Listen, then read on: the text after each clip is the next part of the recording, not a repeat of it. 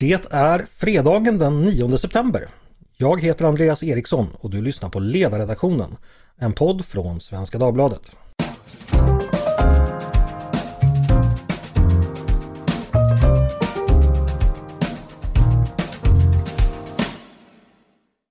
Varmt välkomna till oss denna fredag då blott två dagar återstår innan vår djupt splittrade nation skall gå till val. Stämningen är elektrisk, man kan ta på den. Man behöver inte gå många meter i huvudstaden innan man stöter på spontana valmöten och rallys. Slagord skriks ideligen ut i taktfasta talkörer och i varje gathörn samlas intellektuella i vilda gräl. Kort sagt, det är den andra fredagen i september i detta annus horriblis och ledarredaktionen står redo att gå vid din sida för att komma igenom den. Med mig för att göra det idag har jag en trio som inte ska spela Tosellis serenad utan istället bringa reda, redo, reda i samtidspolitikens alla irrgångar och hugskott. Och den är stark för den består av inga mindre än Peter Wennblad, Paulina Neuding och Mattias Svensson. Varmt välkomna alla tre! Tack! Tack så mycket, hej Tack hej! Andreas! Peter, eh, två dagar kvar till valet. Vad käkar en riktig ledarskribent till frukost då? Samma sak som alla dagar.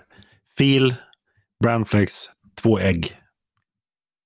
Mm, det låter stadigt. Det var ganska mycket tycker jag. Vet du det? Ja, för, nu försöker du säga någonting om min vikt Paulina. Nej, jag på observera. Hörni, vi går vidare till Paulinas vikt. Eh, den har ju viss vikt. Nej, så här Paulina, du får en annan fråga. Vilket är det första riksdagsval du minns? Mm. Det är en jättebra fråga. Mm. Jag minns valet 1991. För då pratade vi om partierna i skolan. Mm. Och i tid att det var en skola på Östermalm så... så Pratar du om partiet? Ja, precis. Nej, det var en pojke i klassen som skulle gå fram och rita upp Moderaternas logga. Och det var, då sa de andra pojkarna i klassen, kom igen nu! För att, ja, Moderaterna. ja, det var 91. Ett vackert barndomsminne. Mm. Eh, Mattias, har du bestämt kläderna till valvakan än? Eh, ja, det vet jag inte. Det blir nog inget jätteovanligt. Det blir det säkert inte. Hörni, vi ska dra igång för vi har massor med ämnen. Vi ska faktiskt inte börja med valet eh, utan vi ska börja med det faktum att eh, drottning Elisabeth den andra, Storbritanniens drottning och samväldets överhuvud, är död. Hon lämnade oss fridfullt igår eftermiddag. Platsen var hennes älskade Balmoral Castle i Aberdeenshire i Skottland. Hon efterhand förstås ett tomrum som ingen och inget kommer att kunna fylla. Sorgen är sannerligen svart som korpens vingar och utan slut. Vi visste att det här skulle ske, men igår när kodordet London Bridge is falling down sändes ut över Storbritannien och över hela samväldet, då skapade det ändå en känsla av overklighet. Drottningen, hon som alltid har funnits och sett alla nederlag och ganglösa segrar har nu lämnat. Hon har lämnat de dödligas grå stränder och färdats into the west, in i den eviga solnedgången, dit varken sorger eller minnen når. Paulina, det är en institution på den globala scenen som är borta. Vad betyder det? Det betyder väldigt mycket, inte bara för Storbritannien. Eh, drottningen var ju en symbol, inte bara för Storbritannien, utan för en, en era. Den elisabetanska eran, som nu är över. Eh, hon var också en symbol för en generation.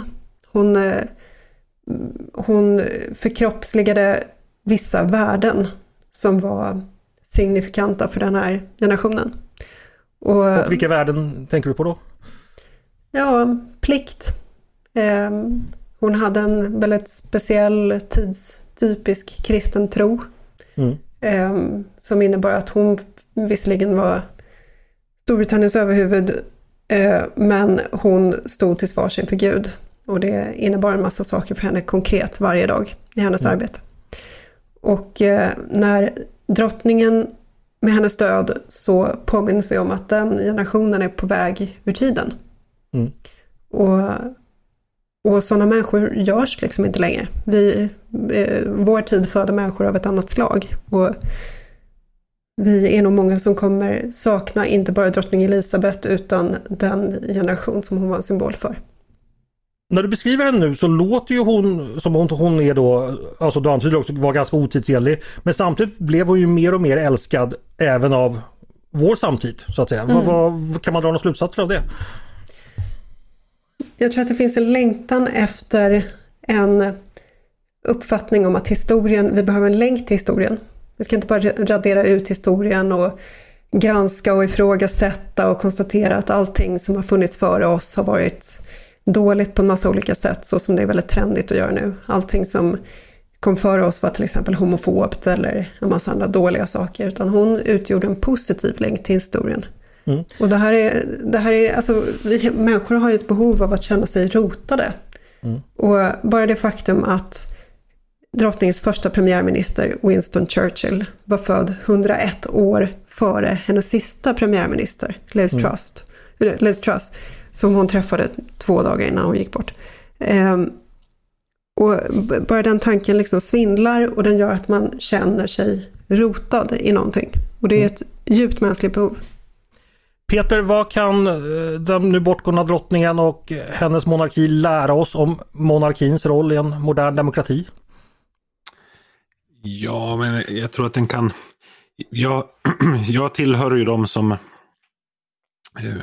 de många liberaler som i sin ungdom eh, har varit republikaner men som med tiden ändrat uppfattning. Alltså att i en, i en demokrati så har det ett Även om institutionen som sådan är av tveksam demokratisk karaktär så fin finns det liksom ett värde i den ombytliga demokratin med någonting bestående, någonting som, som kan eh, vad säger, förkroppsliga den eh, nationen och liksom, eller gemenskapen, samhällsgemenskapen. Mm.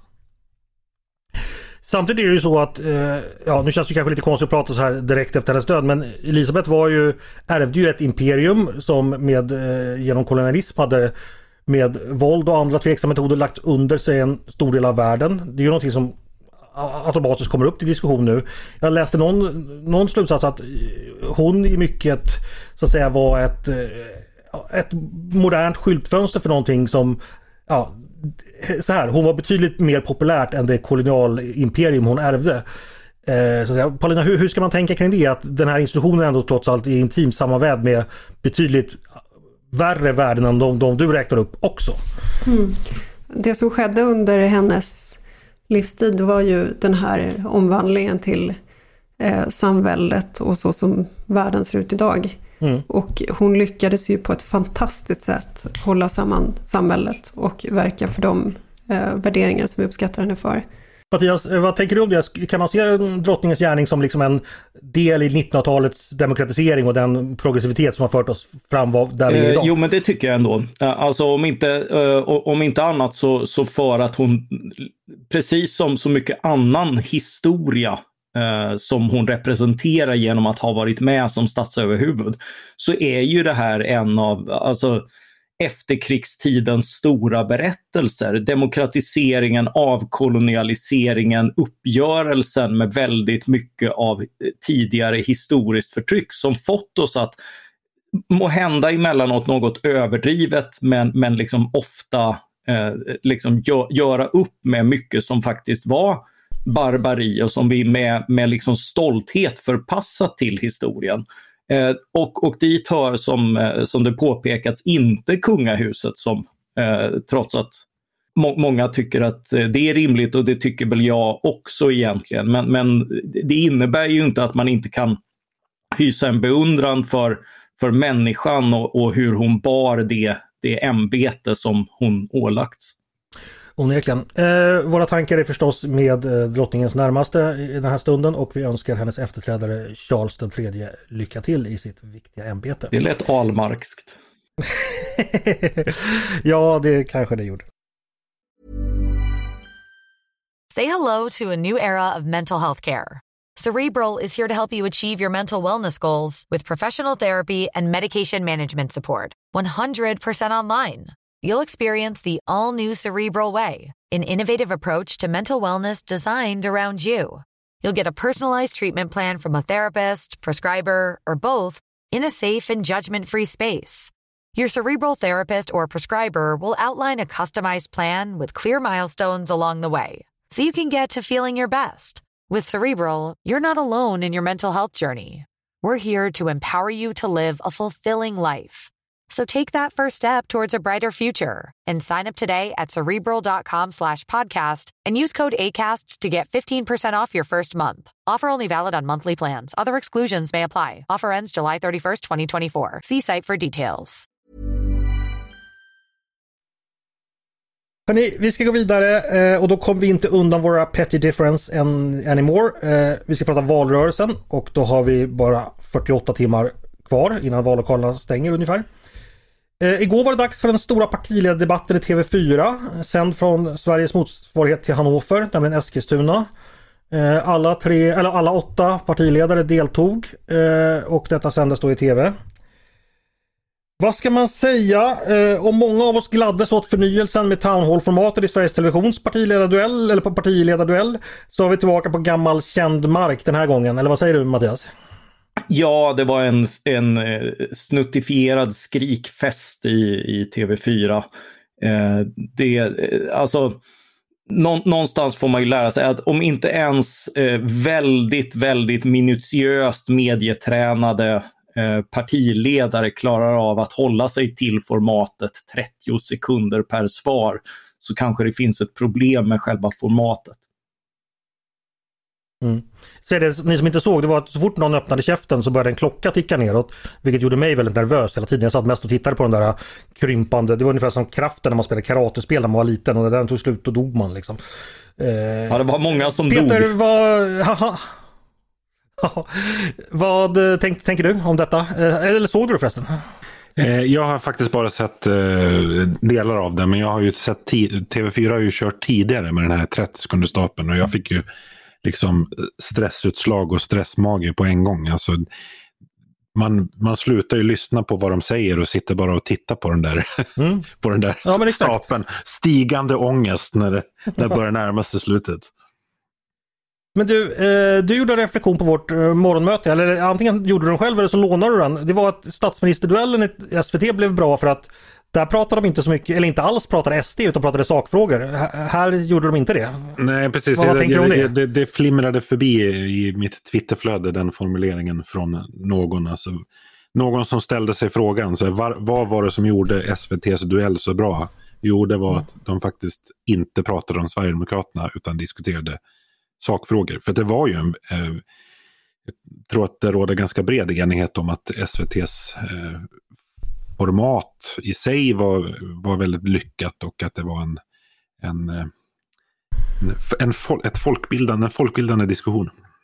Mm. Vill man ha bra, bra politisk debatt så måste man betala skatt för den, annars går det inte. Precis. Eh, eh, Paulina, hur upplevde du den här skrikfesten? Jo, precis så. Jag kommer att tänka på eh, Mattias kan säkert svara på exakt hur det var med Statens biografbyrå, tror jag att myndigheten heter, där man sitter och klipper bort porr och våld ur ja, för, förr fanns det. Precis, förr fanns det. Och var det inte så att, jag har för mig att det var Margareta Winberg som föreslog att det skulle finnas en gräns lagstadgad gräns för hur mycket de här sensorerna fick sitta och titta så att inte de blev vålds och porrskadade. Ja, ja det, det dök upp kring och, och den så kallade porrdebatten kring 2000 att, att eh, sensorerna jag, jag skulle bli känna, ja, avtrubbade. Mm. De, de, de, satt ju också på, tid, tid mm. de satt ju på tidsbegränsat förordnande. Mm. De var, fick inte sitta mer än fem år tror jag för annars så blev de liksom totalt porrskadade. Mm. Och jag, och jag, jag, är beredd att rösta på det parti som föreslår en liknande begränsning då för ledarskribenter som behöver titta på de här skrik eh,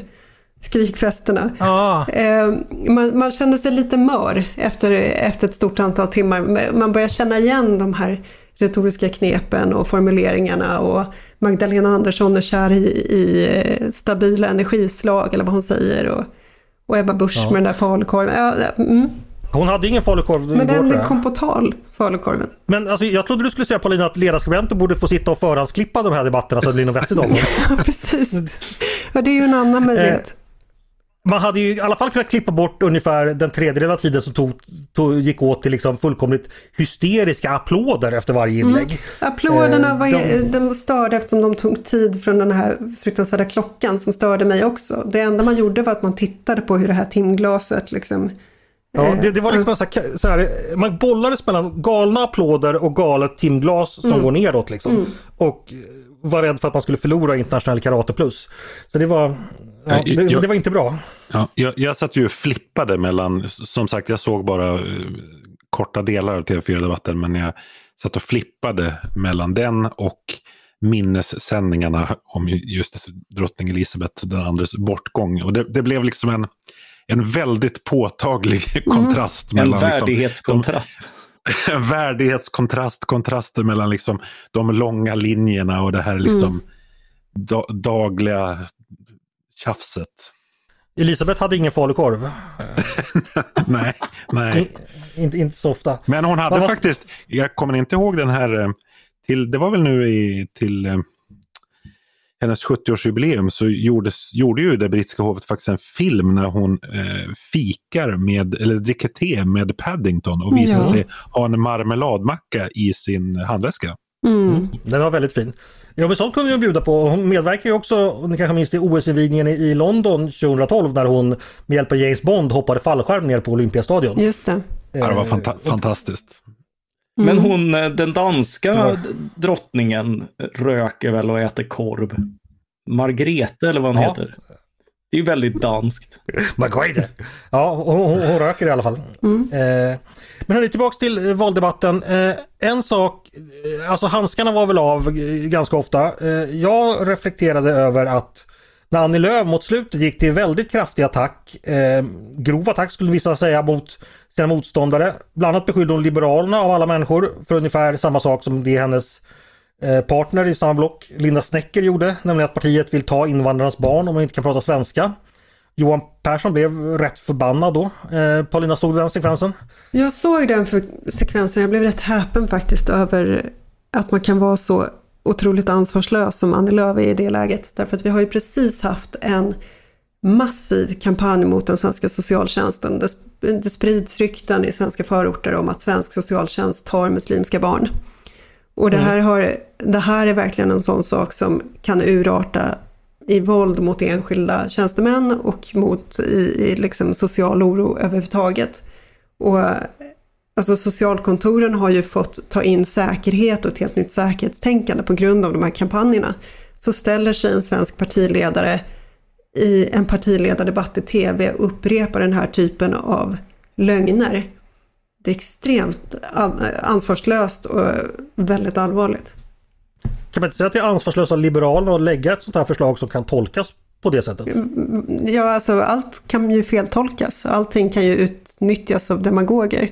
Men det är mm. ju då demagogens ansvar. Jag, Ja, vad säger du Mattias? Samma fråga till dig. Eh, ja, alltså Liberalerna bjöd ju på det här genom att i ett förslag som egentligen handlar om barns språkfärdigheter och man kan tycka att det, Moderaterna har ett liknande förslag fast det gäller treåringar istället för tvååringar.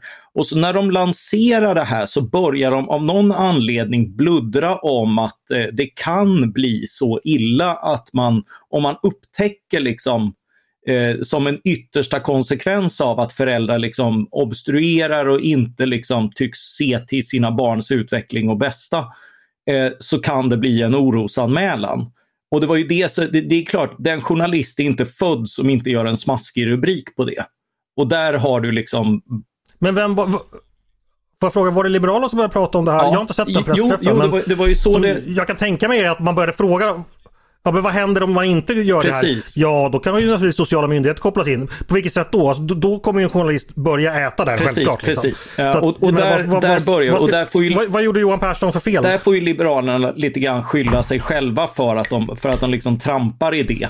Eh, och sen eh, vad, vad Annie Lööf gör är att liksom ta upp det här. Ja, men ni, ni, ni liksom lanserar den här möjligheten och, och det det är ju någonting helt annat än vad Snäcker gjorde. För Snäcker gör ju det här till liksom att eh, alla som inte pratar ren svenska kommer att eh, bli omhändertagna. Vilket är liksom, alltså, det, det, är på en annan planet det hon gjorde. Eh, Annie Lööf gjorde en fuling, hon var melodramatisk i fel fråga.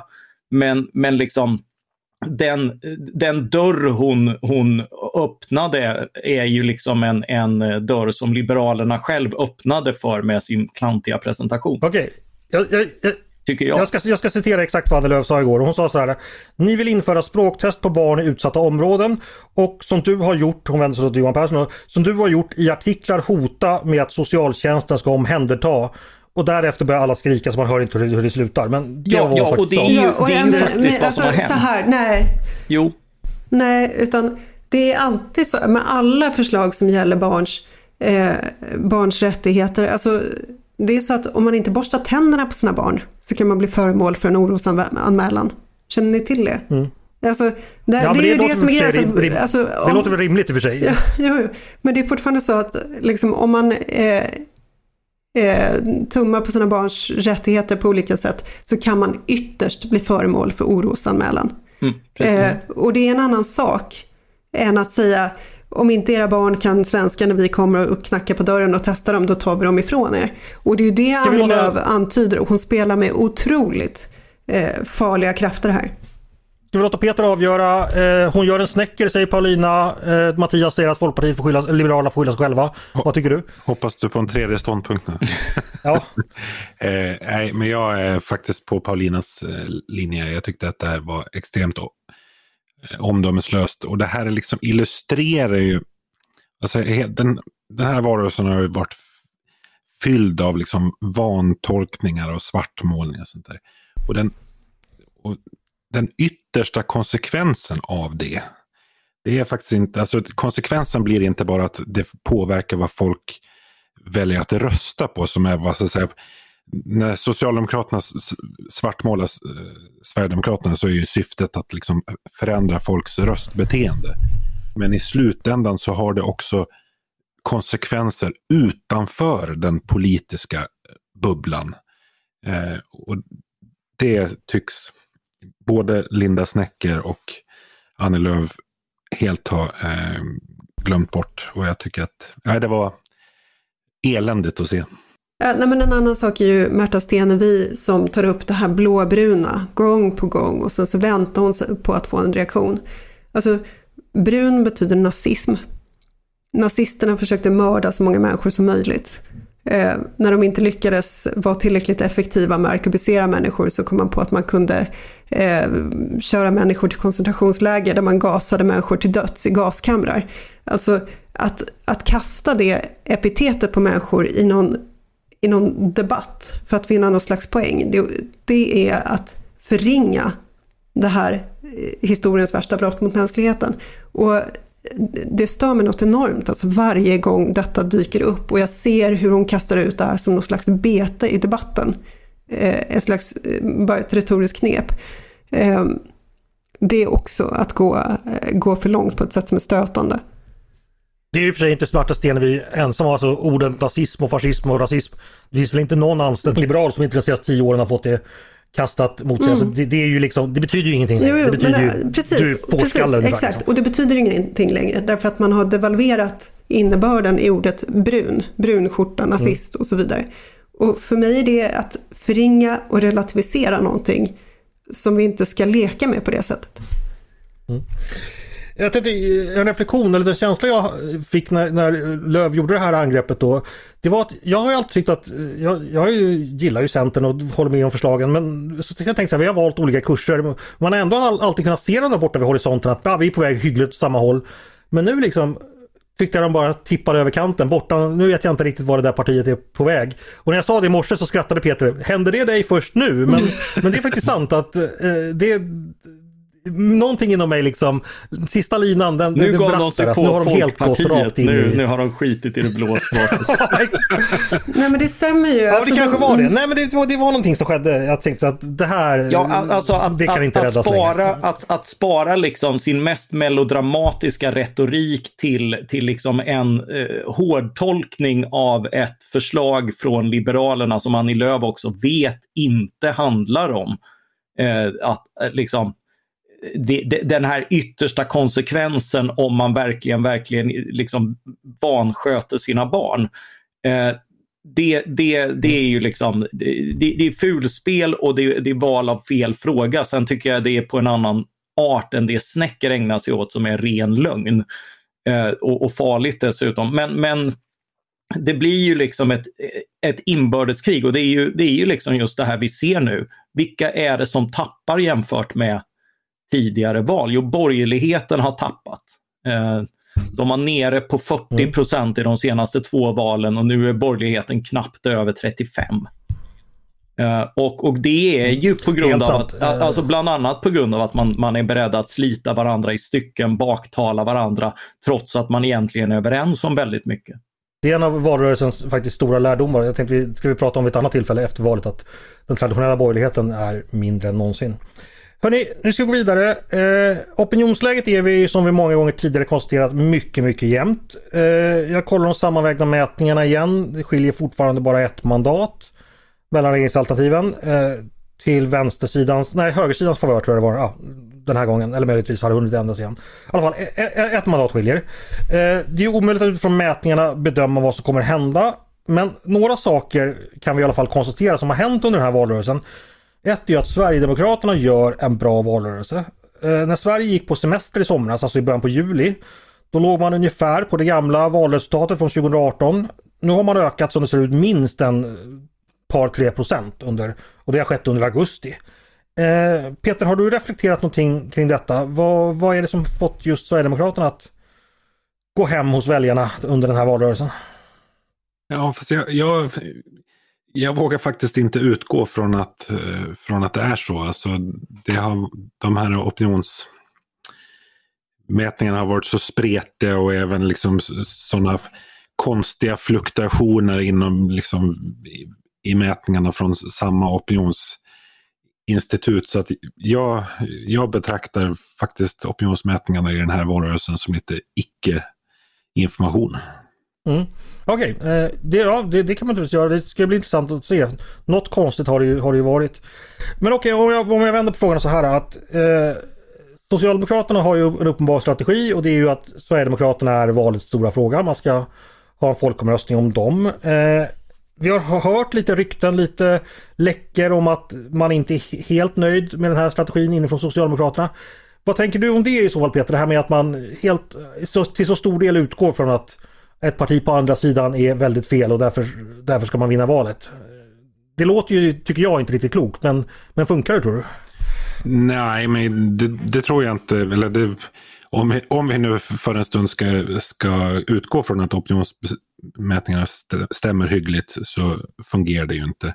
Och jag tror att liksom Socialdemokraternas desperation den senaste veckan eh, det skulle jag tro mycket handlar om att de ser Alltså, tidigare har ju liksom svartmålning av Sverigedemokraterna handlat om att förmå liberaler och center, eh, alltså säga att liberaler, liberaler att ändra sig och liksom söka sig till, till andra sidan. Men nu ser ju Socialdemokraterna att även de själva tappar till Sverigedemokraterna och att det är personer från, men väljare från soffan som ju brukar vara en viktig grupp för Socialdemokraterna som också i hög grad går till, eh, till Sverigedemokraterna. Så att nej, det har inte funkat den här gången heller. Selling a little or a lot? Shopify helps you do your thing however you cha-ching. Shopify is the global commerce platform that helps you sell at every stage of your business. From the launch your online shop stage to the first real life store stage, all the way to the did we just hit a million orders stage. Shopify is there to help you grow. Shopify helps you turn browsers into buyers with the internet's best converting checkout. 36% better on average compared to other leading commerce platforms because businesses that grow grow with Shopify. Get a $1 per month trial period at shopify.com/work. shopify.com/work. Eh, en, en, sak, återigen med då förbehåll för att vi vet inte vad opinionsmätningarna egentligen visar, men det är ju så att när man frågar folk så säger de att de har absolut högst förtroende för Sverigedemokraterna. När det gäller brottslighet så är Sverigedemokraterna det parti man litar på allra mest. Eh, både M och S ligger långt efter. Eh, Paulina, varför har det blivit så? Hur kan framförallt Moderaterna men även Socialdemokraterna tappa bort mm. den här viktiga frågan? Ja, men det, det, alltså det här vill jag invända att M ligger väl inte långt efter. Eh, men... Ja, jag, jag, tror att det var 30% tyckte Sverigedemokraterna bäst och 20% tyckte Moderaterna och 20 tyckte, tyckte Socialdemokraterna.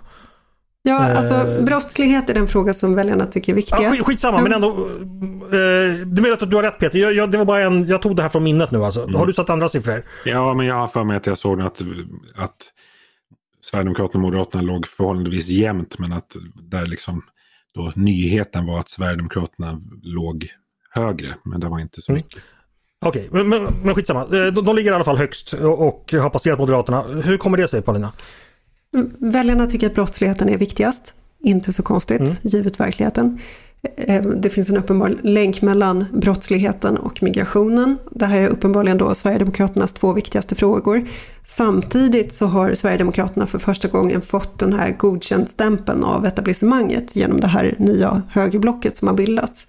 Eh, så naturligtvis så gynnar det Sverigedemokraterna och dessutom så har Jimmy Åkesson gjort Eh, Eh, bra ifrån sig i debatterna. Han, är, han har ju den fördelen att när andra står och gapar och skriker åt honom och inte kan ta honom i hand och kalla honom för groteska saker och så, då räcker det för honom att bara stå där och vara eh, i kontrast till det beteendet, vara den som sträcker ut handen eller den som säger kan vi sluta kalla varandra saker och så vidare. Och det tror jag han tjänar på.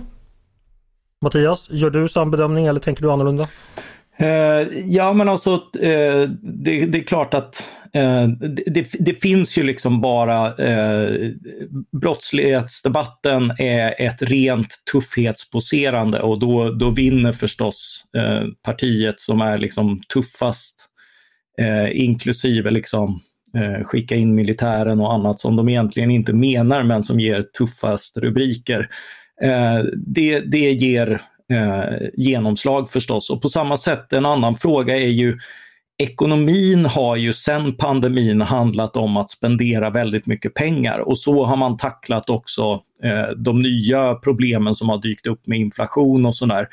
Och när man gör det till en ren löftestävling så är det klart att Socialdemokraterna och ett rent populistparti snor hem den spelplanen också på ett, på ett sätt som de inte hade gjort om, om vi hade verkligen talat om allvarstider och att det kommer att bli eh, tufft och att också staten kommer att behöva spara och kan inte både bygga ut försvar, väldigt grundläggande eh, samhällsfunktioner och samtidigt lova allt till alla.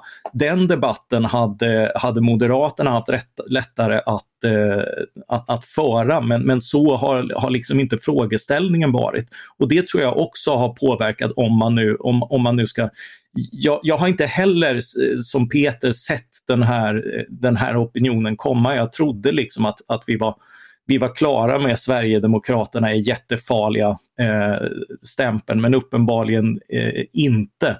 Men där tror jag att de har, eh, det, det, är en spelplan som också har gynnat dem. Eh, får jag flika in här Andreas? Jag, jag gjorde mm. en snabb googling. Enligt Novus senaste mätning som kom nu i september så anser 23 procent att Sverigedemokraterna har den bästa politiken inom lag och ordning och 21 procent Moderaterna. Mm, Okej. Okay. Enorma eh, skillnader. och Socialdemokraterna, vad låg de på där? Ja, det framgick inte. Okej, okay, men då, då, var det, då var det något äldre siffror jag refererade till. Det var, och det var som sagt ur minnet. Eh, hörni, vi ska gå vidare eh, och då tänkte vi ska göra något så anspråkslöst så att vi ska sammanfatta mandatperioden. Och då ska ni få göra det eh, på varsitt politikområde som jag vet att ni är väldigt duktiga på och ni har följt väldigt noggrant. Eh, jag tänkte börja med dig Peter. Mm. Energi under mm. mandatperioden. Eh, visst, när, när den går mot sitt slut så pratar vi nästan bara om det.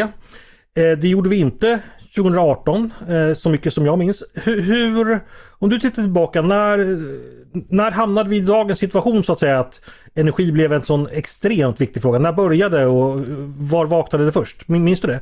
Ja, eh, det var väl i mångt och mycket när Pågen meddelade att de inte kunde bygga ut verksamheten, eh, bageriverksamheten nere i Skåne därför att de hade fått beskedet att det inte, de kunde inte få den effekt som de eh, efterfrågade. Mm. Och där, det minns jag väldigt tydligt att då, då började det att bubbla. Sen så har ju det funnits, då blev, för då blev det väldigt konkret. Sen liksom i energikretsar så har ju den här frågan varit het under många år och det är liksom, jag tror det är ingen som har hållit på med energifrågor som är förvånad över att vi är där vi är. Okej, så, så ni som har liksom så att säga varit på insidan, ni har sett det här komma ganska länge så att säga? Absolut. Men det var ju ändå så, jag började på eh, Svenska Dagbladets ledarsida i mars 2021. Och då mm. tänkte jag så här, jag som är, liksom, har, som mina två, de två områden jag kan mest om, energifrågor och miljötillståndsfrågor. Hur ska jag kunna få skriva Smuggla om, in det. Men det visade sig att verkligheten gjorde jobbet åt mig. Att, Eller så är det du som har manipulerat verkligheten så att det blev så här. Det kan vara så också. Nej. Nej men nu googlar jag också lite snabbt. Eh, det här med pågen dök ju upp, det var ju redan sommaren 2019 så det är tre år sedan eh, Precis. det började. Så att, eh, men sen så kom ju då pandemin lite emellan. Men, men eh, vi kan säga så här, hur, hur har positionerna eh, förflyttat sig bland politikerna? Har det hänt mycket och var, var har det hänt några saker? Ja, det har det ju gjort. Alltså jag tror att eh, nu kommer jag faktiskt inte ihåg när Moderaterna lämnade energiöverenskommelsen. Men, men även för Moderaterna så har det ju varit ett, ett uppvaknande. Alltså jag tror att, att Moderaterna undertecknade, eller ingick energiöverenskommelsen 2016 som slog fast att Sverige skulle ha då en helt förnybar energiproduktion till 2040. Mm. Alltså det är helt, jag, jag, det är helt obegripligt. Alltså jag tror att det för dem är helt obegripligt att de så, för så pass kort tid sedan hade en så annorlunda världsbild när det gällde energifrågorna. Eh, och där mm. tror jag att de här vad ska säga, energinördarna hade en väldigt viktig roll för att få eh, Moderaterna att liksom förstå att eh, energi är liksom mer än bara två hål i väggen. Det är liksom att det behövs ett systemtänkande. Mm.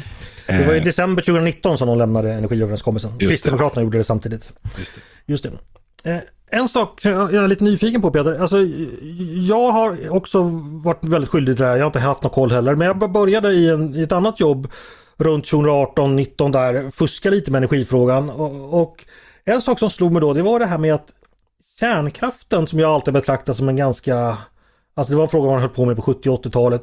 Att det fanns så mycket starka känslor och åsikter och låsningar kvar kring den och det har ju verkligen visat sig nu men Visste du om det att det var så, att det var så tung fråga liksom där så många hade så bestämd uppfattning hit eller dit?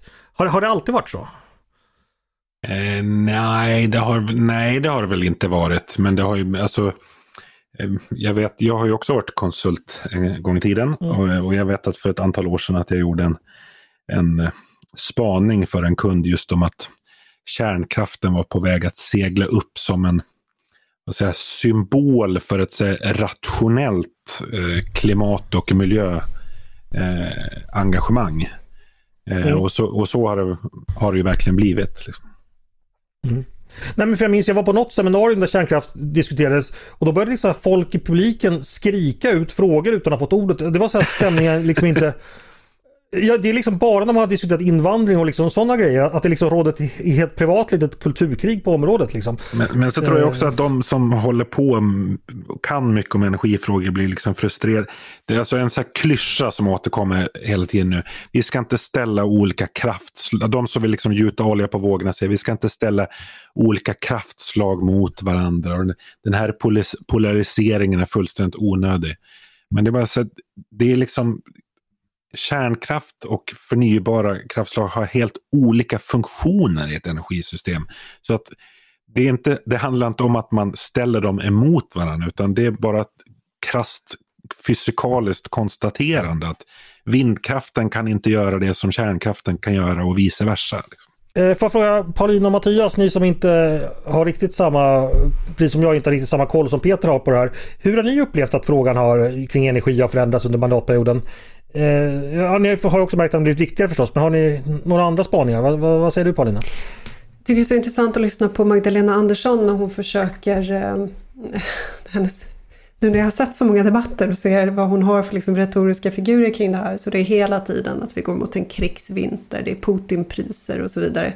Och hon möter sina utländska motsvarigheter. Hon har pratat med Macron, hon har pratat med Liz Truss och så vidare. Den här, det här är en kris i hela Europa. Eh, hon spelar väldigt mycket på det. Och eh, eh med, med, hon har väldigt svårt att förklara nedläggningen eh, av, mm. av eh, ja, fungerande svenska kärnreaktorer och varför man gjort sig så beroende av bland annat vindkraft. Eh, så att, och, ja, jag undrar egentligen vad, vad Peter tycker om det är en framgångsrik strategi. Tror du att det funkar? Gud, nu ska jag vara spågumma här. Nej, men utan att vara spågumma. När du alltså, hör det argumentet. Nu är det en krigsvinter och jag har pratat med Macron och det är så hemskt i Frankrike och så vidare. Vad... Ja, men jag har ju varit inne på det förut. Alltså det är klart att Putin har startat ett energikrig, men för den delen var det då var det ju dumt att vi avvecklade vårt energiförsvar. Ja, precis. Och jag eh. menar, det, det, är inte så att Putin dök upp nyligen. Nej, Nej men då tittar man, jag vet ju att Novus har gjort mätningar av alltså, vad, hur förklarar svenska folket energisituationen? Eh, och där är det ju nedläggningen av kärnkraft som kommer på, på första plats. Så att mm. eh, väljarna har ju in, inte köpt eh, Magdalena Anderssons problembeskrivning. Mm. Mattias, en fråga till dig. Energifrågan går ju in i väldigt mycket annat för det handlar ju om, det är en extremt reglerat område där allting från liksom elmarknad till miljötillstånd och alltså allt alltså, kan man ens tänka sig att det, den är möjlig att få på banan i närtid med tanke på allt lagtekniskt och byråkratiskt och reglement, regleringstaggtråd som ligger allt kring alltihopa? Nej, det måste ju lite grann göra. Alltså det är, eh, det är väldigt eh, betydande storheter du har att göra med. Vare sig du tar mark i anspråk för att bygga eh, förnybar energi som, som vindkraft eller solpaneler så, så, så måste det ju, det, det tar otroligt mycket Eh, mark och eh, kapaciteter i anspråk. Och gäller det kärnkraft så är säkerheten väldigt stor. Uh, och, och, där... och det är massa pengar också oavsett. Ja, ja, det är, ja, det är tunga investeringar och som Peter det, har ju känsla för djävulen i detaljerna här. Man tycker, ja men vindkraft går fortare. Jo, men det kräver ett helt annat eh, ledningssystem för att, för att få in kapaciteten från, från stor havsbaserad vindkraft till exempel. Plus att eh, eh, att, att vi då eh, den här hösten om inte annat har fått lära oss den hårda vägen, skillnaden mellan, mellan planerbara och oplanerbara energislag. Eh, det vill säga när, när eh, mm. om, om, om det kan eh, slås på när vi vill eller när vädret vill. Nej, men jag tänker liksom, eh, vattenkraften byggdes ut under många decennier. Kärnkraften i Sverige, det började man med forskning direkt efter andra världskriget. Vi hade ju inte vårt sista fulladdade kraftverk för 1985, det tog också decennier. Mm. Petras, det, det, är väl alltid stora, det är mycket pengar och långa ledtider och en jäkla massa jobb hur man än väljer att göra. Så är det absolut, alltså även om vi vad säger, fimpade tillstånds... Alltså bara rent politiskt lämnade öppna spjäll så skulle ju fortfarande liksom projektering och konstruktion ta mycket tid. Liksom. Mm. Sen är det ju bara... Så att den närmsta tiden så har vi bekymmer. Ja, men sen är det ju, det, det är ju fascinerande. Eh, alltså, jag tycker vad som illustrerar liksom utmaningen vi står inför. Alltså när vi byggde ut eh, vattenkraften från början av 1900-talet, alltså då var vi ju politiskt beredda på en helt annan typ av ja, uppoffringar. Alltså man dämde upp eh, Sveriges största vattenfall mitt i nationalpark och liksom dränkte stora fjällområden. Alltså det finns ju inte på kartan att göra den eh, typen av ingrepp nu. Mm. Hörrni, vi ska gå vidare till nästa område. Eh, tänkte jag Paulina och du ska få tala om någonting du har ägnat dig mycket åt, eh, nämligen Ja, brottslighet kan vi väl kalla det i, i, i stort. Finns, du har gjort olika mm. typer av nedslag kring detta. Eh, under mandatperioden har det växt sig mycket viktig, eh, som en mycket viktigare fråga. Mm. Alla partier låter i alla fall som de tycker likadant. Mm. Hur har resan dit sett ut som du bedömer det? Jag håller inte med om att de låter likadant. Det finns samsyn kring två saker, nämligen att migrationen har eh, påverkat situationen. Det, det, här var ju ett absolut tabu bara för några år sedan. Nu, eh, även om Magdalena Andersson säger att man vet inte vad den här situationen beror på, så säger hon i nästa andetag att vi har minskat migrationen för att komma till rätta med det här. Så att det, det är uppenbart att man, man erkänner att det här är en följd av migrationen. Och det är nytt. Och det andra är att man, är, man förstår att vi behöver skärpta straff. Och, och den här regeringen har ju delvis eh, skärpt straffen, inte så mycket som det skulle behövas, men, men man har gjort det ändå. Nej, men när jag tänker på den här mandatperioden så är det väl, väl tre, tre saker som jag skulle vilja ta upp för att liksom illustrera vad som har hänt. Och det ena är ju då eh, mordet på Caroline Hakim sommaren 2019. När Morgan Johansson, justitieminister, lovade att man skulle jaga hennes mördare till världens ände. Så blev det inte. Mm. Eh, vi vet att Caroline Hakims sambo vet mycket väl vem som mördade henne. Han har eh, själv stått inför rätta för att ha beställt hämndmord på de skyldiga. Men det här är ingenting som man säger till, till ehm, eh, polisen eller rättsvårdande myndigheter. Utan det här finns det liksom ett gangsteretos. Man säger inte vem som har gjort det här. Eh, mm. Caroline Hakims bebis eh, fick hemliga personuppgifter efter det här för att skyddas från gangstrar. Så att det är inte bara mordet på en kvinna med ett barn i famnen på öppen gata utan att det inte gick att lösa, att visa ett sånt gangstervälde. Mm. Det, det är för mig liksom en symbol för, för det här. En annan sak är frisörerna i Jordbro 2019. Två syriska invandrare som startar en frisersalong och blir så trakasserade av lokala gäng som kräver dem på utpressningspengar. Att polisen säger till slut, ni får sticka från Jordbro, ni kan inte vara kvar här. Eh, mm. Vi kan inte skydda er. Återigen, precis som i fallet Caroline Hakim, gängen är starkare än staten. Eh, det var också 2019 och, och det tredje är korankravallerna, påsken eh, 2022. Alltså eh, när vi såg ett besinningslöst våld mot poliser. Det var någon polis som beskrev hur en kvinnlig kollega får en sten i huvudet, hon faller ihop på marken och då jublar mobben. Eh, och polisen beskriver att hade jag ramlat där, hade det hänt hade jag blivit kvar, hade jag blivit lynchad. Jag hade dött. Mm. Eh, så att den här, och det, det finns liksom en speciell, eh, det berättar någonting speciellt när våldet är så kollektivt. Inte bara att det är så blodtörstigt, utan så kollektivt. Alltså stora grupper män, människor, män, kvinnor, barn, som tillsammans ger sig ut för att eh, skada eller till och med mörda. Okej, Eh, nu, nu berättar ju du det som har blivit hemskare då så att säga på, på vålds och brottssidan.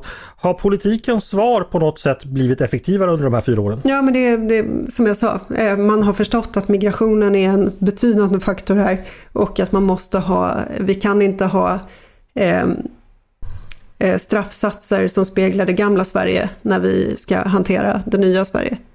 Okay. Eh, men vad är man oense om då? För du sa att du höll inte med om att politikerna var ense. Vad, vad, vad, bråkar man om? Ja, det är nivåer. Alltså, det är fortfarande så att vi har en hög invandring. Eh, det är fortfarande så att vi har väldigt, väldigt milda straff. Nu kom det hovrättsdomar här i tre fall från de här korankravallerna. När, där två perso personer som var dömda till utvisning, tror jag, i tingsrätten inte längre är det i hovrätten. Så brukar det ofta se ut. Eh, vi måste få vi måste få utvisningar av eh, Medborgare, icke-medborgare som begår den här typen av brott. Det är helt självklart. Så att ja, alla är överens om att migrationen är en faktor, alla är överens om att vi behöver stränga straff. Men det finns ju betydligt starkare insikter eh, i högerblocket om exakt hur mycket man behöver se över det här. Eh, vad säger ni andra om Paulinas berättelse att det har blivit värre, politiken har vaknat lite men det finns fortfarande Eh, stora skillnader. Mattias, delar du den bilden? Eh, ja, det är ju definitivt så att den här gängrelaterade brottsligheten har blivit värre. Eh, och, och, det, finns ju, det finns ju flera saker. Det finns ju insikter som har nått politiken och insikter som inte har nått politiken. Och den som inte har nått politiken handlar ju, handlar ju om hur gravt narkotikaberoende den här brottsligheten är att, att, att hela anspråken på att göra, eh, att, att kontrollera hela bostadsområden handlar om att trygga narkotikamarknader för försäljning och distribuering. Eh, gatuförsäljning är ett sätt att skaffa sig kontroll och ögon över områden. Eh, och där i detta har vi liksom allt ifrån hur man äter sig in som i Göteborg i, i tjänstemannastrukturen lokalt eh, till, till liksom att, man, att, att man hotar andra och sånt där. Och, och där i, i det perspektivet är ju, är ju skjutningarna toppen på isberget bara av, av, en, av en stor struktur som blir systemhotande när den äter sig in i, i myndigheter, i rättsstrukturer och, och liknande. Och där, eh, där, där finns mycket kvar att göra och det, det handlar eh, förstås om strängare straff för en ny typ av brottslighet. Men det måste också handla om att vi kan inte fortsätta att ge 100% av den här marknaden till gäng, eh, utan, utan för min del så, så, så måste det ju till att, att det måste kunna ske en legal försäljning av det här som nu sker illegalt och med stora, eh, st stora intäkter till gänget. Mm, ja, Paulina, vill stoppa in, Paulina vill stoppa invandringen och Mattias vill släppa knarket fritt. Jag är med i filmen Ground, Groundhog Day känns det som. Precis, jag, jag behöver an, anmäla avvikande uppfattning här. Eh, ja, jag förstår det. Ja. Eh, vi, vi ska gå vidare med det sista varit politik. utan att vi hade haft den här storskaliga invandringen och nu dessutom föreslår Mattias lagstiftning som innebär att eh, en massa barn och ungdomar ska bli, till, ska bli narkomaner ovanpå allting annat. Nej tack. Det är de ju redan Mattias, för de dras in i försäljningen. Narkoman, narkomani, nej tack. Ska vi mm. trycka upp sådana. Eh, Mattias ska få avsluta detta med sitt område. Mattias, du skrev en gång en bok som hette Den stora statens återkomst. Mm de här fyra åren har väl inneburit fyra år av återkomst för den stora staten. Eh, vi har krig, vi har haft pandemi, vi har haft elkris. Bättre förutsättningar för en stor stat att dyka upp finns väl knappast?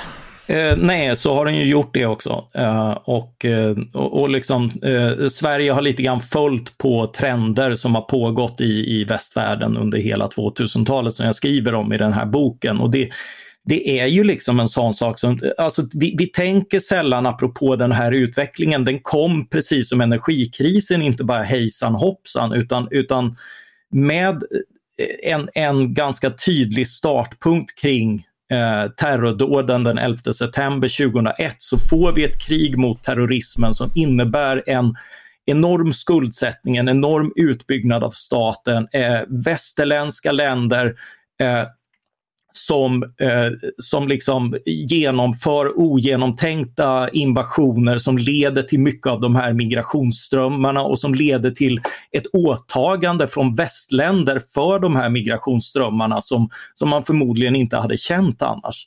Uh, och, och, vi har dessutom en, eh, en, en, en, skuldsättning i de flesta länder, inte just Sverige eller uh, privat, vi har en penningpolitik som ska täcka över det här som har gjort att vi skjutit skulderna på framtiden. Eh, och därmed, man har skjutit väldigt många kriser på framtiden och det är därför väldigt få vill till den här framtiden numera. Om man ska ta en, en stor skillnad mellan 2000 och nu är det ju liksom att då var, då var framtiden det hetaste heta och nu längtar alla tillbaka. Det är en väldigt tydlig trend som, eh, som jag tror påverkas av alla de här reala faktorerna. Och det, det gör att vi får ett politiskt klimat som påminner betydligt mer om 70-talet än om 30-talet. Eh, i, I ekonomi, i energikris, i annat. Och, eh, och, och lärdomarna därifrån har vi tyvärr hunnit glömma bort under den tiden och de är andra än, än liksom det identitetskrig vi har, eh, vi, vi har utkämpat under tiden. Eh, varningsord från Mattias Svensson där. Eh, hörni, vi ska gå vidare till vårt sista moment. Och då är det faktiskt dags för mitt favoritmoment. Eh, vet ni vilket? Det heter... Svar direkt. Är du sm... Förlåt? Svar direkt. Nej, det har vi hoppat över idag. Eh, det heter Är du smartare än en ledarskribent? Och då vill jag passa på att göra en liten utvikning kring namnet på leken. Eh, många har hört av sig och säga att det här har ju inte med smarthet att göra, det har ju bara med kunskap att göra. Och det är helt korrekt. Vi kollar inte medelst Ravens progressiva matriser våra ledarskribenters G-faktor. Och hade vi gjort det hade Paulina vunnit. Men namnet är alltså lånat från Sveriges Televisions populära underhållningssatsning Är du smartare än en femteklassare?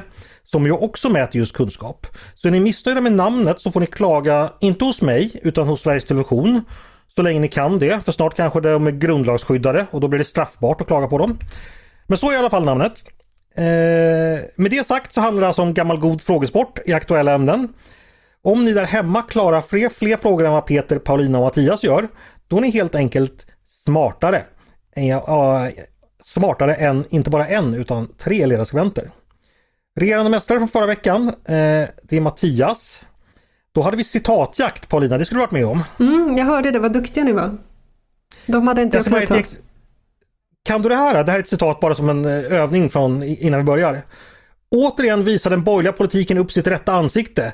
Det är det att kvinnan som har ansvar för hem och barn. Återigen visar sig borgerlighetens feminism är en särartsfeminism. Vem sa det? Ingen aning. Margareta Winberg kanske? Det är från 2001 och upphovsmannen är Paulina Neuding.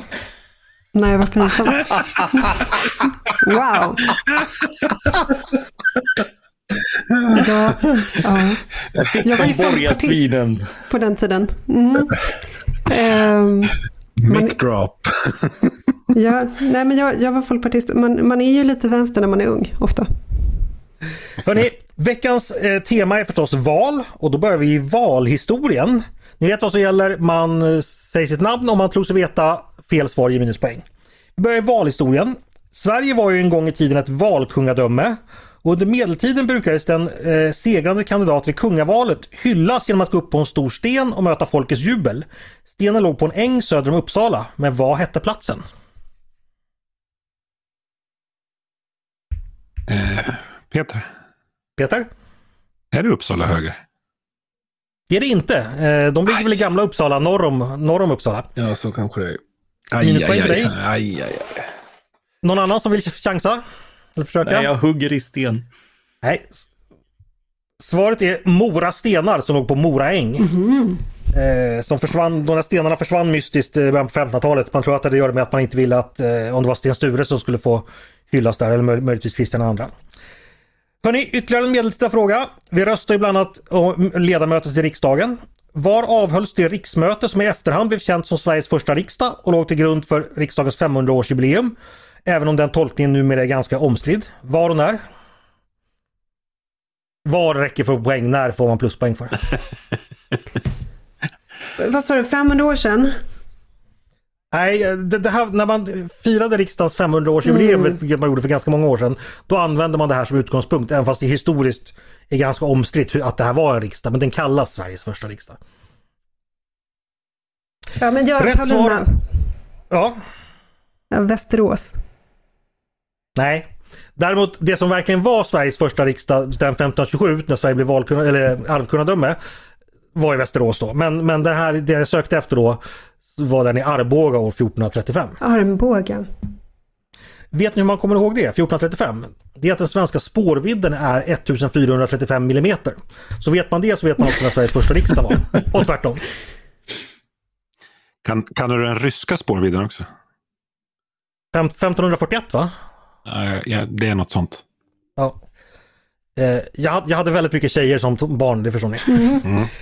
Eh, hörni, vad, vad heter den lag som huvudsakligen reglerar arbetet i riksdagen? Paulina, Ja, få höra. riksdagsordningen. Ja, ett poäng där. Eh, vi ska också välja representanter till kommun och region på söndag. Men vilket år hölls det senaste kommunala valet i Sverige som då skedde utan att ett riksdagsval skedde samtidigt? Eller Alltså bara när- var kommunalval? Alltså när det senast var skilda valdagar. Precis. Och det var ett kommunalval utan riksdagsval. Alltså... Peter. Ja, Eller jag, jag kan ju inte årtal, men jag känner att det här är en slamkrypare. För det var ju, det var väl efter senaste valet som det var ett kommunalval som fick tas om. ah, okej, men det, det var inte det jag tänkte på. Det, det var inte det jag tänkte på. Utan, eh, Där får jag bara guldstjärna. Ja, du får guldstjärna. Eh, utan det här var det ordinarie. Du får inget minuspoäng förstås. Men eh, det, det ordinarie kommunala valet som inte ägde rum samtidigt som ett riksdagsval. Nej, det, det är svårt, men det var 1966. Sen blev det ju gem, gemensamma valdagar. Fan, det var min chansning. Eh, Ja, mm, precis. hörni, eh, plenissalen i Sveriges riksdag, dit vi ska välja 349 arma själar, smyckas av en 54 kvadratmeter stor väv. Vad heter det verket?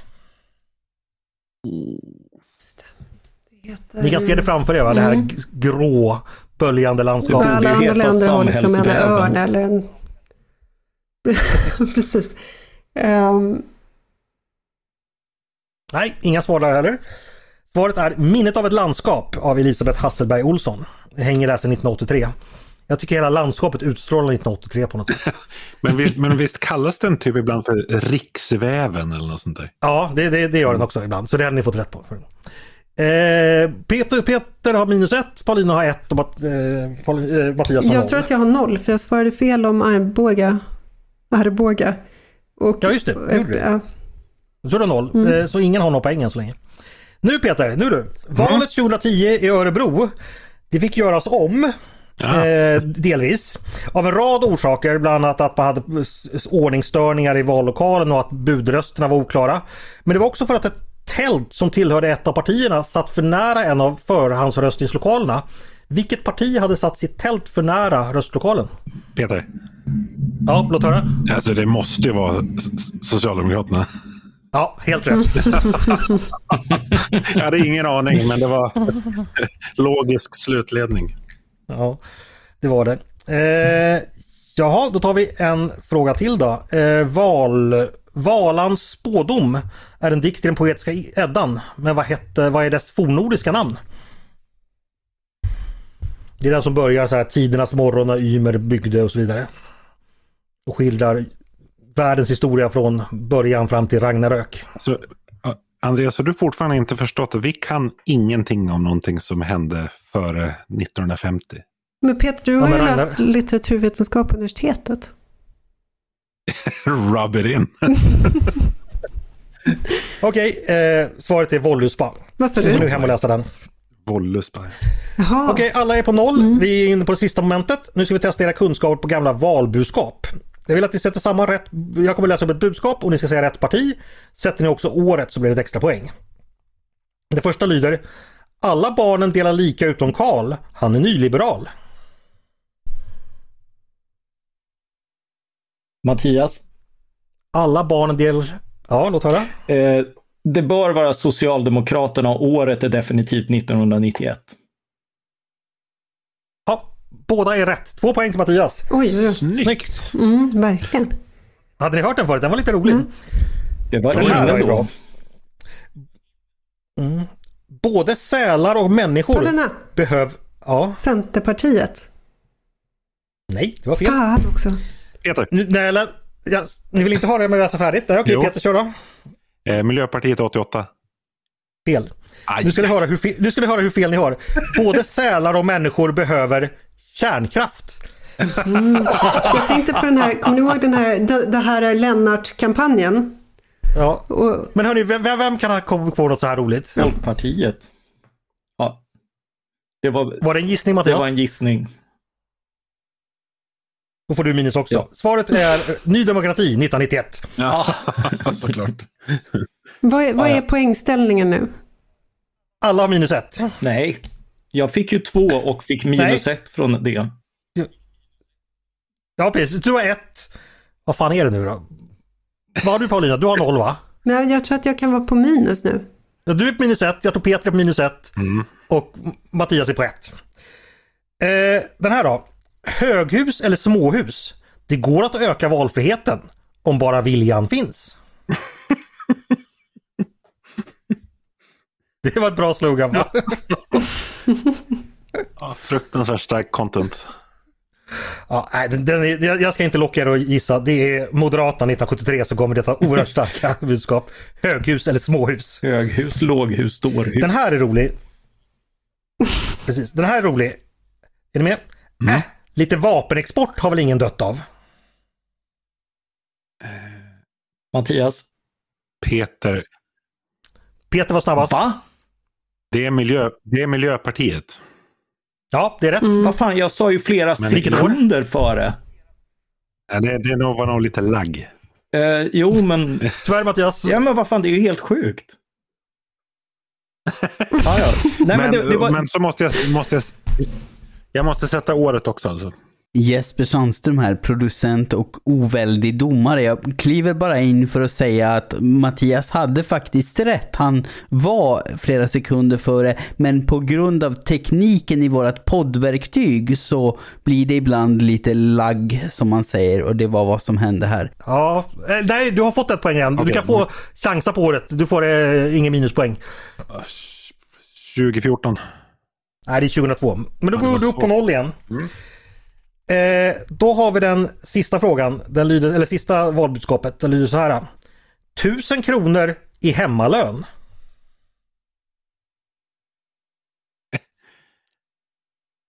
Peter, Ja, det, måste, det här måste ju vara en föregångare till vårdnadsbidraget, alltså att det är KDS. mm, det är helt rätt. Yes! Då är du uppe på ett poäng också. Eh, vet du eh, vilket år det är? Ja, det, här må, det här måste ju varit tidigt och tusen kronor, så vad kan det ha varit? 79? Nej, 76. Men då har du också ett poäng. Då är det avgörande i eh, sista frågan då. Eh, mellan Peter och eh, Mattias. Då undrar jag hur många valkretsar är Sverige indelat i närmast vinner? Det är lite taktik här vem som vill svara snabbast. Paulina, du kan svara så länge. Men jag vet faktiskt inte. Hur många valkretsar? Peter, vet du? Nej. Jag faktiskt inte. Ni kan ju tänka er ungefärligt. Ja, jag brukar, jag brukar Mattias, fuska så, eh, och svara sist, så jag svarar först nu. Eh, det är 290 kommuner så, och det är ju ett par valkretsar i varje, så jag säger eh, 1250. Okej. Åh herregud. ja, jag säger 1000. Paulina, Paulina? jag säger 500. Alltså en valkrets är ju oftast ett län. Eh, Stockholms län är uppdelat i Stockholms stads val- valkrets och Stockholms läns valkrets. Eh, så att det är bara 29 stycken valkretsar. Så då kommer jag närmast ändå. Ja, du kommer närmast. Och du, Men vad fan du, är du, de du, här det var ju- Två uppdelningarna poäng då? Det, det är valdistrikt. Jaha. Men då var faktiskt Peter men Peter var faktiskt närmast, eh, närmare än Mattias där. Men det, nej just det, Paulina vann så du får få ta en till eh, utslagsfråga mellan Nej, Mattias jag, och bara jag, Mattias och Peter. på, var inte jag på minus? Ja men du är på, på noll nu, men du, du klarar inte här. Jaha, Nu- förlåt. nu- Ursäkta. Okej, nu, nu är det så här, nästa fråga. Sista, sista utslagsfrågan, bara Peter och Mattias, nu måste vi få ordning på det här. Då undrar jag, hur många valdistrikt finns det i Sverige? Det var nog kanske det ni tänkte på tidigare. Ja. Och det ändras från val till val, där är 2022. Ja, då sa du att Är det för att Peter de var är män som, närmare. de, som jag inte får vara med? Nej, när han var närmare antalet valkretsar. Ja, men Det här vad var, var inte det val- frågan val- nu? val- Val, Nej, nu är det valdistrikt. nya- Men det, det tror jag det handlar om typ... Eh, alltså... 5000. 5000 säger, vad säger Mattias? 4 000. Och Peter är veckans vinnare för det är 6264 stycken. Grattis Peter! Tack, tack, tack. tack. Ordningen är återställd. Eh, och då är det väl bara dags att, att runda av. Eh, och då har jag bara en sån här sista liten rundfråga till er där ni ska svara spontant på en fråga. Jag undrar, vad kommer ni sakna från valrörelsen 2022 när den är över? Paulina? Att alla pratar politik tror jag. Åh vad gulligt. Nej men det, det är väl kul för oss. När, Ja. Att alla vill prata med oss om våra jobb och sådär. Peter, vad kommer du sakna när valrörelsen är över? Jag kommer nog eh, sakna just det här. Podddiskussionerna om valet. Ja, men vi ska ju prata om annat efter valet. Ja. Mattias? Mattias? Eh, jag tror eh, dessvärre att vi kommer att sakna Ulf Kristersson. Eh, om han inte vinner så är han en av de bättre statsministrar Sverige inte fick. Så kan det bli. Eh, vi får väl se hur det går med den saken. Stort tack eh, Peter, Paulina och Mattias för att ni kom och pratade med mig idag. Tack. Tack. Tack. Och stort tack till er som har lyssnat också på Ledarredaktionen, en podd från Svenska Dagbladet. Ni är varmt välkomna att höra av er till oss på redaktionen med synpunkter på det vi har precis diskuterat eller om ni har idéer och förslag på det vi ska ta upp i framtiden. Då är det bara att mejla till ledarsidan snabel svd.se. Dagens producent heter som vanligt Jesper Sandström. Jag heter som vanligt Andreas Eriksson och jag hoppas precis som vanligt att vi hörs snart igen.